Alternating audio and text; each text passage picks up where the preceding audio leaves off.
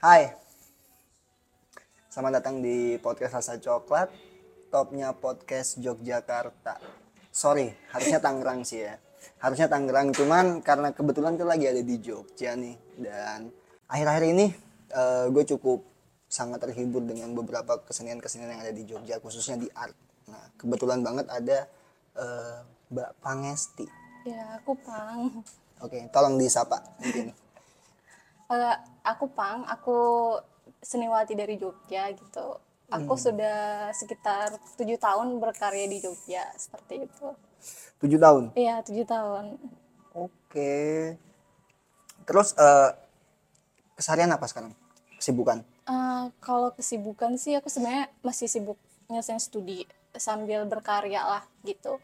Mengisi pameran seperti itu, ikut-ikut pameran lah kayak gitu Ikut-ikut pameran. Oke oke. Nah, ini kan kita mau ngobrol-ngobrol soal seni nih ya. Seni itu kan luas banget. Ada dari musik, ada dari visual. Nah, seni seperti apa sih yang eh, mungkin jadi tren yang cukup marak itu di wilayah Jogja dan sekitarnya ini? Eh, sebenarnya semuanya sih kalau di Jogja kan baik itu seni lukis gitu kan entah itu seni tarinya gitu Seni tari. Oh, ha- jadi semua sebenarnya hype juga maksudnya selalu selalu unggul lah gitu iya kalau di selalu Jogja. unggul ada isi juga kan di sini Ada isi. iya institut seni Indonesia Oh iya, oh iya, iya. yang arah ke Bantul itu bukan sih? Iya, betul-betul. Ya arah ke Bantul ya. Kemarin eh, lewat sana kebetulan. Nah, kalau dari kamu sendiri sebenarnya lebih ini ya ke seni apa berarti? kalau aku sih dulu eh, seni lukis tapi untuk di tahun 2020 aku mencoba ya berkarya di seni kolase Oh, kolase. Kolase, oke. Jadi seni kolase itu menggabungkan beberapa media, medium gitu kan, seperti kertas gitu. Aku lebih ke kertas-kertas bekas gitu. Aku potong, aku gabung-gabungkan menjadi sebuah karya seni. Oh, Oke, berarti kolase itu bentuknya fisik ya? Iya, dua dimensi bisa, tiga dimensi, eh dua dimensi sih. Dua dimensi, dua dimensi tapi eh, dari dari fisik gitu. Contoh tadi apa namanya? kertas atau Iya, koran yang kertas. ditempel dijadiin eh, apa sih bahasanya kalau disatuin tuh? Digabungkan. digabungkan ya digabungkan gitu digabungkan jadi satu makanya itu jadinya kolase oke oke oke oke kenapa suka sama kolase sama seni seperti itu Eh, kalau suka sama kolase, jadi sebenarnya dari kecil aku udah suka kolase. Dari kecil tuh aku suka gunting menempel, gunting menempel gitu. Apalagi waktu zaman kita TK ya, itu kan kita bikin kolase tuh mulai dari biji-bijian, terus mulai dari eh, kertas-kertas warna-warni, kertas lipat yang kita kita gunting, inget gak? oh, oke dari benda apa pun bisa berarti kayak biji-bijian atau Oh dari bisa, atau dari mungkin daun ranting atau Iya apa betul, bisa bisa.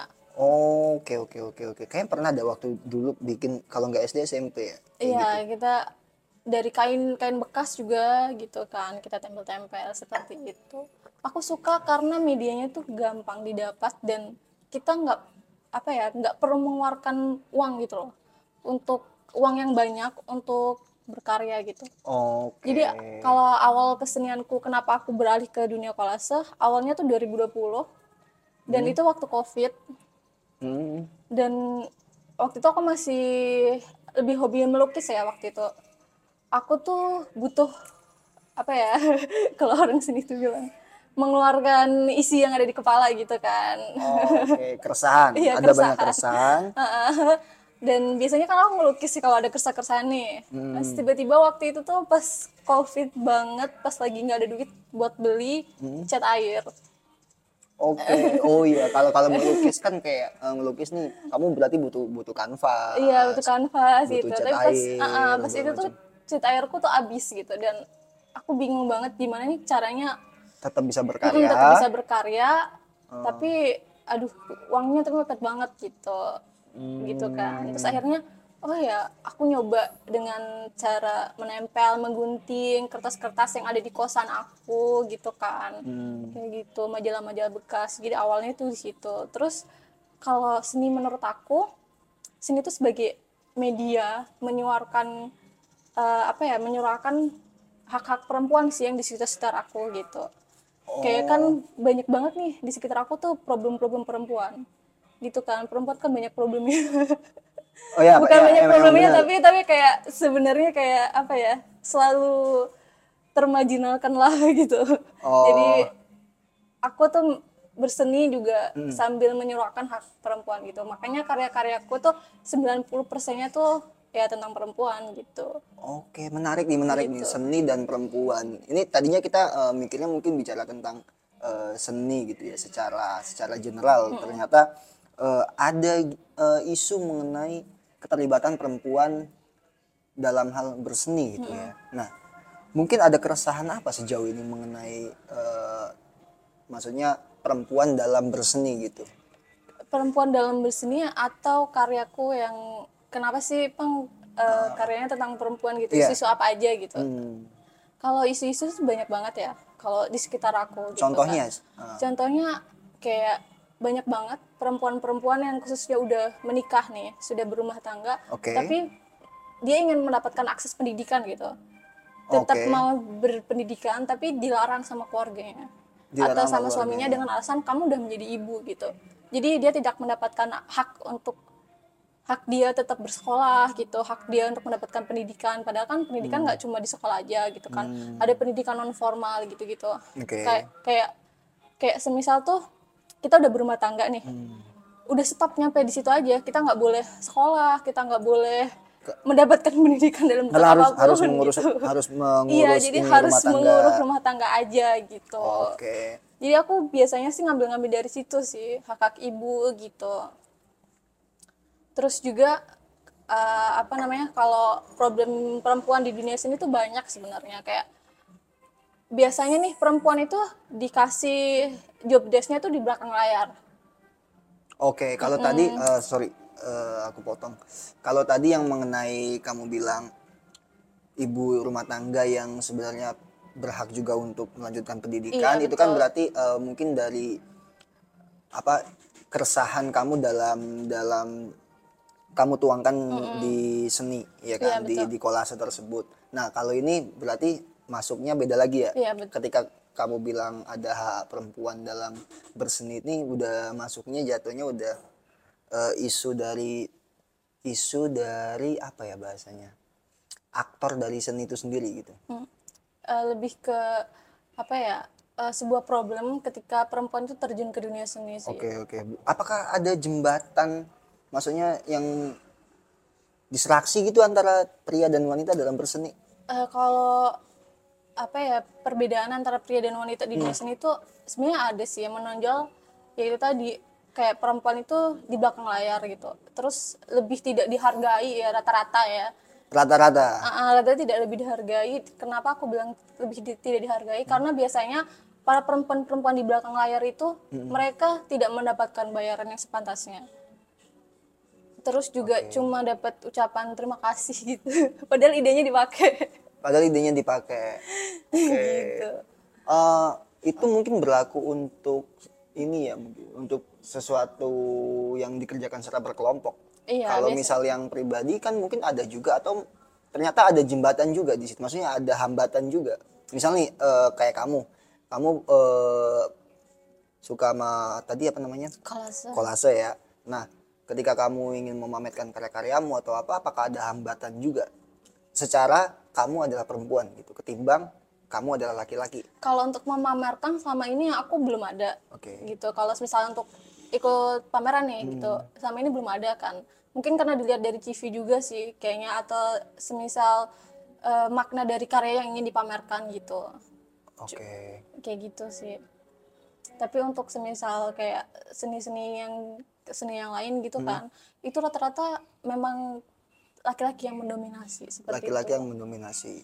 Oke, laki-laki yang mendominasi terus makanya perempuan merasa kayak eh, apa ya? Kurang ada ini enggak sih? Kurang ada apa namanya?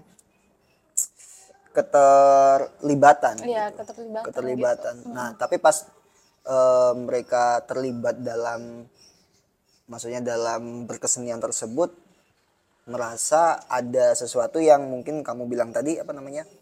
Ada fee yang rendah atau Iya, gitu. bayar yang rendah, bahkan ada yang cuma dikasih ucapan terima kasih. terima kasih yang bawa udah ngebantu gitu. Itu kan pernah pernah ngalamin itu Eh, pernah waktu itu nulis gitu kan buat Oke. salah satu karya seni gitu cuma di eh, dari awal tuh kontraknya tidak ada kontrak yang jelas biasanya tuh tidak ada yang kontrak yang jelas gitu terus dari terus tiba-tiba cuma terima kasih gitu. Sedangkan yang lain gitu dapat fee padahal pekerjaan kita tuh sama gitu. Yang lain dalam artian eh, pria laki-laki. iya laki-laki gitu. Itu mereka dapat fee Iya. sementara kamu enggak. Oke. Gitu. Cukup ini ya maksudnya apa namanya bisa dibilang mungkin ada ini enggak sih? Maksudnya kamu coba tarik mundur gitu dalam kejadian-kejadian seperti itu apakah perlu di adanya kayak kontrak yang jelas atau apa gitu nggak nggak pernah melakukan itu gitu Oh, kalau itu udah pasti sih sekarang. Sekarang Hmm. tuh kayak kalau kontraknya tuh harus jelas. Eh, job desk kerjaan tuh saya ngapain aja Hmm. seperti itu. Kayak gitu sih. Oke, tapi k- eh, kalau misal sekarang ngajuin itu, apakah ada hambatan juga? Sebenarnya kalau di situ tuh kayak masih ada sih. Itu tuh bukan cuma aku aja, beberapa temanku Hmm. juga bahkan aku tadi ngelihat data Hmm. 80 58% perempuan yang bekerja di dunia seni eh, fee-nya itu lebih lebih rendah Lebih ya rendah ke- dibanding laki-laki. 58 persen. Iya, 58. Fee-nya lebih rendah ketimbang yang Laki-laki. laki-laki. Heeh. gitu Oke, resah juga sih tentang stigma kalau perempuan di dunia seni itu pasti perempuan yang tidak baik gitu oke. Iya, stigma masyarakat nih yang kadang tuh mengatakan wih eh, perempuan ya Iya, kerja di dunia seni atau be- di bidang seni di nih bidang seni. Ah. hidupnya di dunia seni wah pasti nggak benar nih padahal enggak gitu nggak semua perempuan ya apa ya namanya tuh stigma-stigma kayak gitu tuh So, itu sering muncul juga, Sering muncul. di, di masyarakat. di Gitu. masyarakat gitu padahal tidak gitu Mungkin ini sih kali ya, apa namanya, apa yang mereka lihat itu kebanyakan sesuatu yang mungkin dari media mungkin.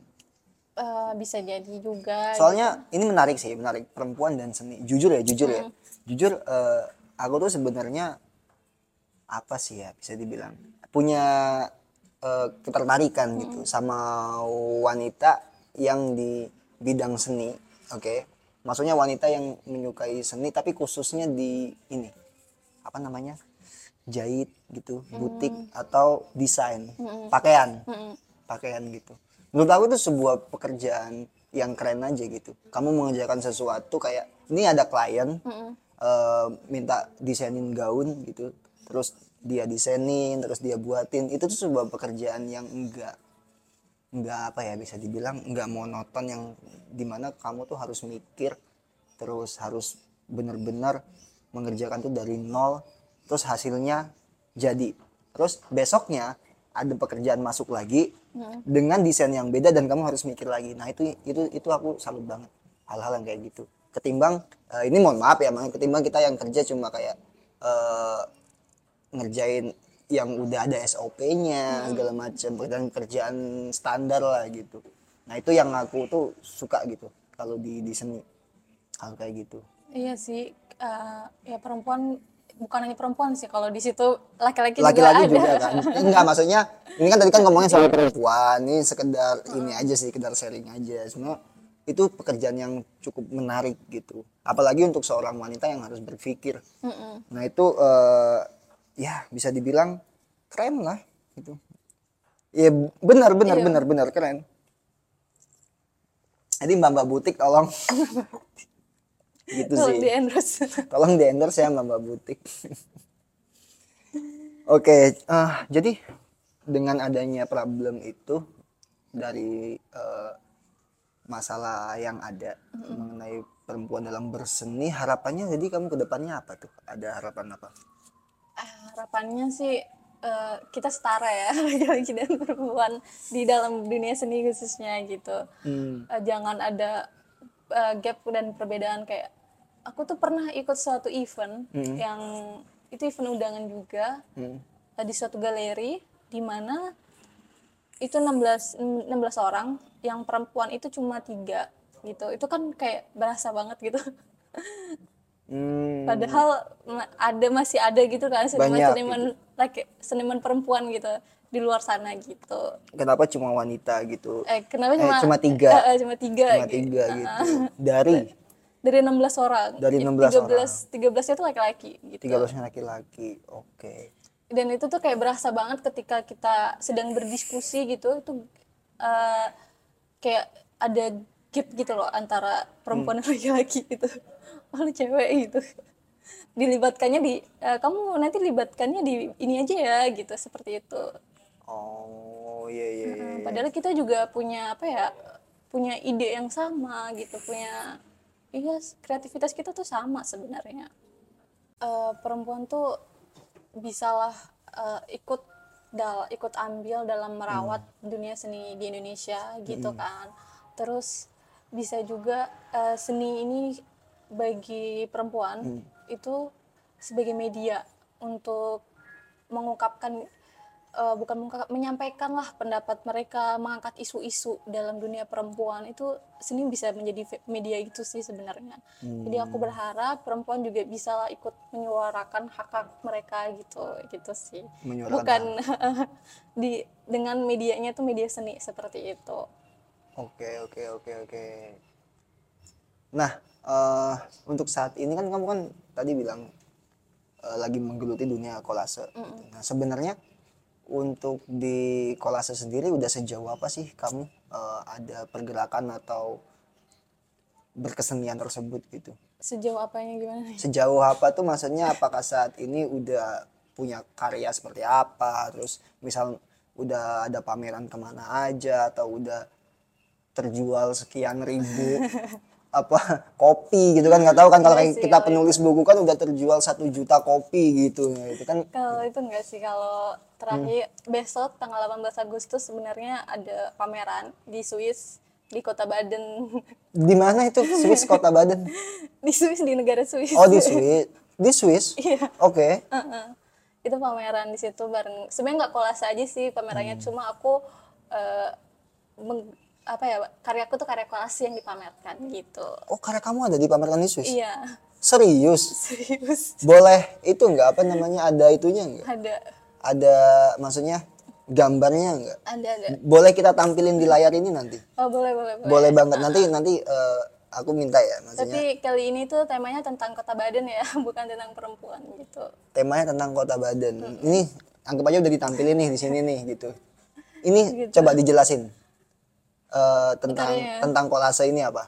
Uh, jadi itu di situ tuh ada ikonik kota Badan dan aku tuh uh, ngasih beberapa warna gitu warna-warni di situ untuk melambangkan bahwa kota Badan ini tuh penuh warna yang indah gitu kan. Sebuah kota yang jarang terekspos. Kita mungkin di antara kita baru denger nih.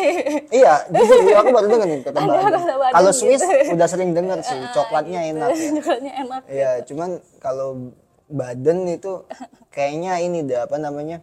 Yang yang bikin cincin Sauron kali ya. Jadi Nah. trilogi itu Lord of the Rings. Nah di situ tuh ada aku menggabungkan beberapa warna gitu kan untuk melambang ya itu tadi bahwa nih kota ini tuh sebenarnya indah gitu indah sekali gitu ada beberapa warna yang wah gitu wajib lah kita kunjungi lah minimal sekali seumur hidup gitu Baden Swiss. Heeh. karena di situ juga banyak banget budaya-budaya yang apa ya baru gitu untuk kita ya karena kita juga baru dengar Ah. Wah, mungkin teman-teman baru dengar gitu kan Oke. budaya-budaya yang menarik apalagi pencampuran budaya antara Swiss dan Jerman gitu di situ gitu Hmm, Oke oke oke oke. Tapi emang benar sih apa namanya budaya dalam setiap di, di Indo aja deh kita lihat itu ada berapa ribu suku mungkin ya. Setiap suku punya kebudayaan yang masing-masing gitu dan itu menurut, menurut aku tuh sesuatu yang itu uniknya manusia sih, uniknya manusia. Manusia itu bisa membuat sebuah budaya. Nah itu yang kerennya. Kita mungkin eh, sama-sama manusia gitu. Kalau kucing sama-sama kucing, tapi yang bisa membedakan adalah ketika manusia udah mulai berkumpul dan mereka membentuk sebuah budaya. Nah, itu yang keren. iya betul Dan itu bersifat unik ya, bersifat unik. Jadi setiap budaya itu udah pasti unik sifatnya. Nah itu yang kerennya tuh. Berarti ada di Swiss. ada Kok bisa nyampe sono?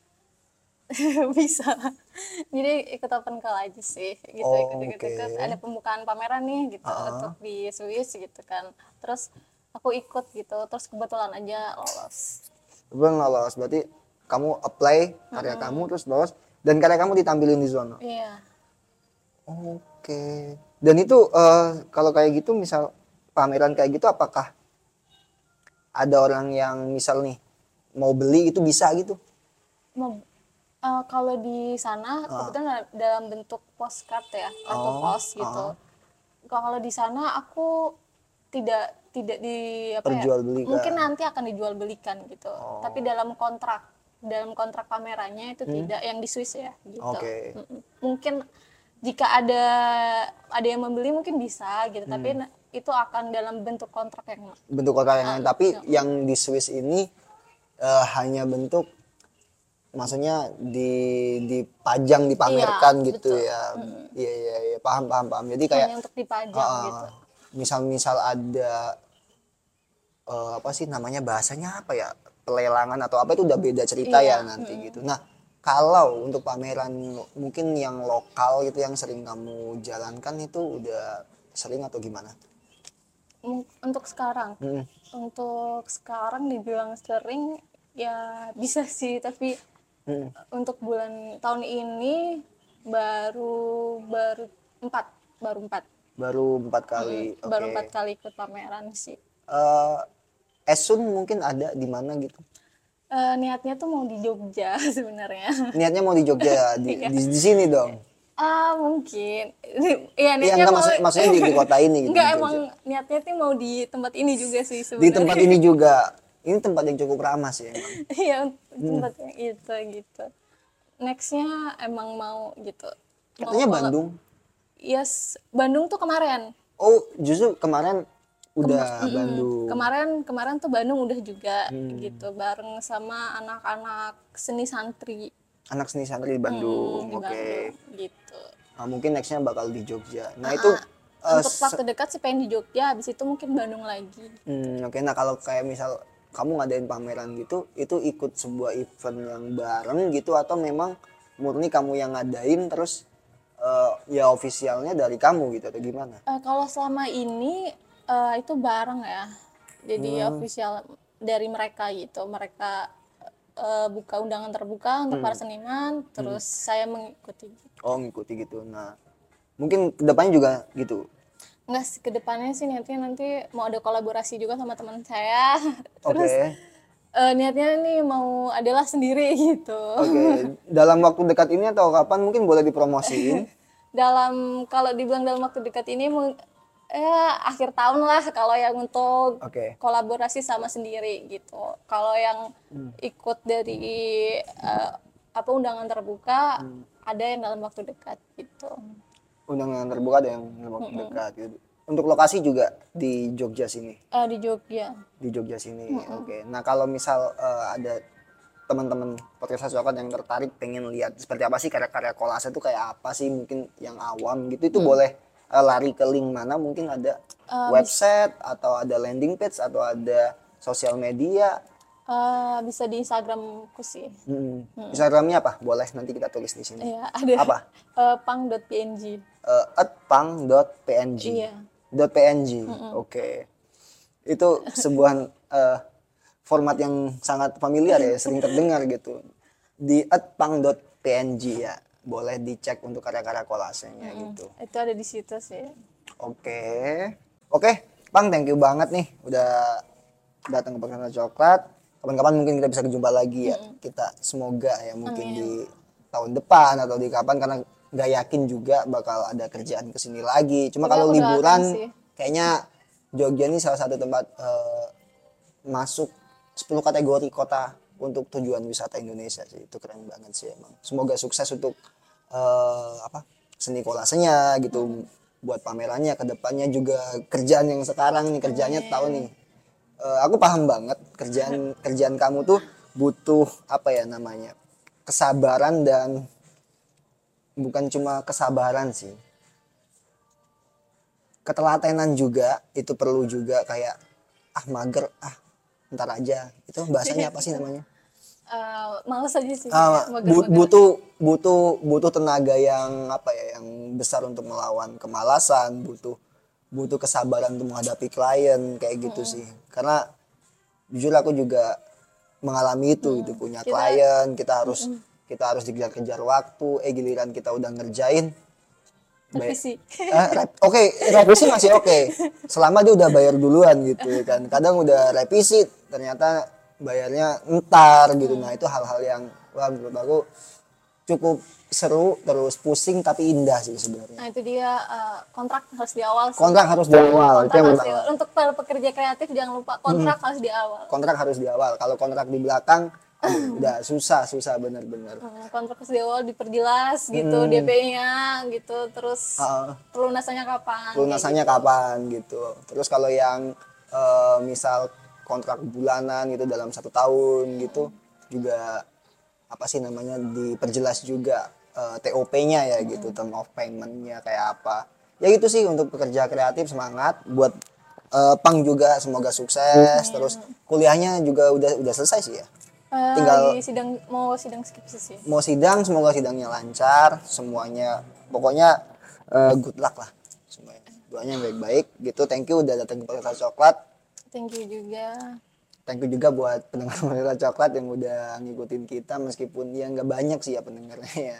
Cuma Podcast Coklat ini keren sih maksudnya kita tuh kita menjadi diri kita keren sendiri. kita udah tiga tahun sebenarnya. Oh, gitu. Iya di Podcast Coklat ini di Spotify. Cuma di YouTube memang baru beberapa eh, bulan terakhir sih kita baru masuk di YouTube. Oke, thank you buat Pang juga buat kalian semua. See you. Iya, see you. Sukses terus ya buat podcast ini.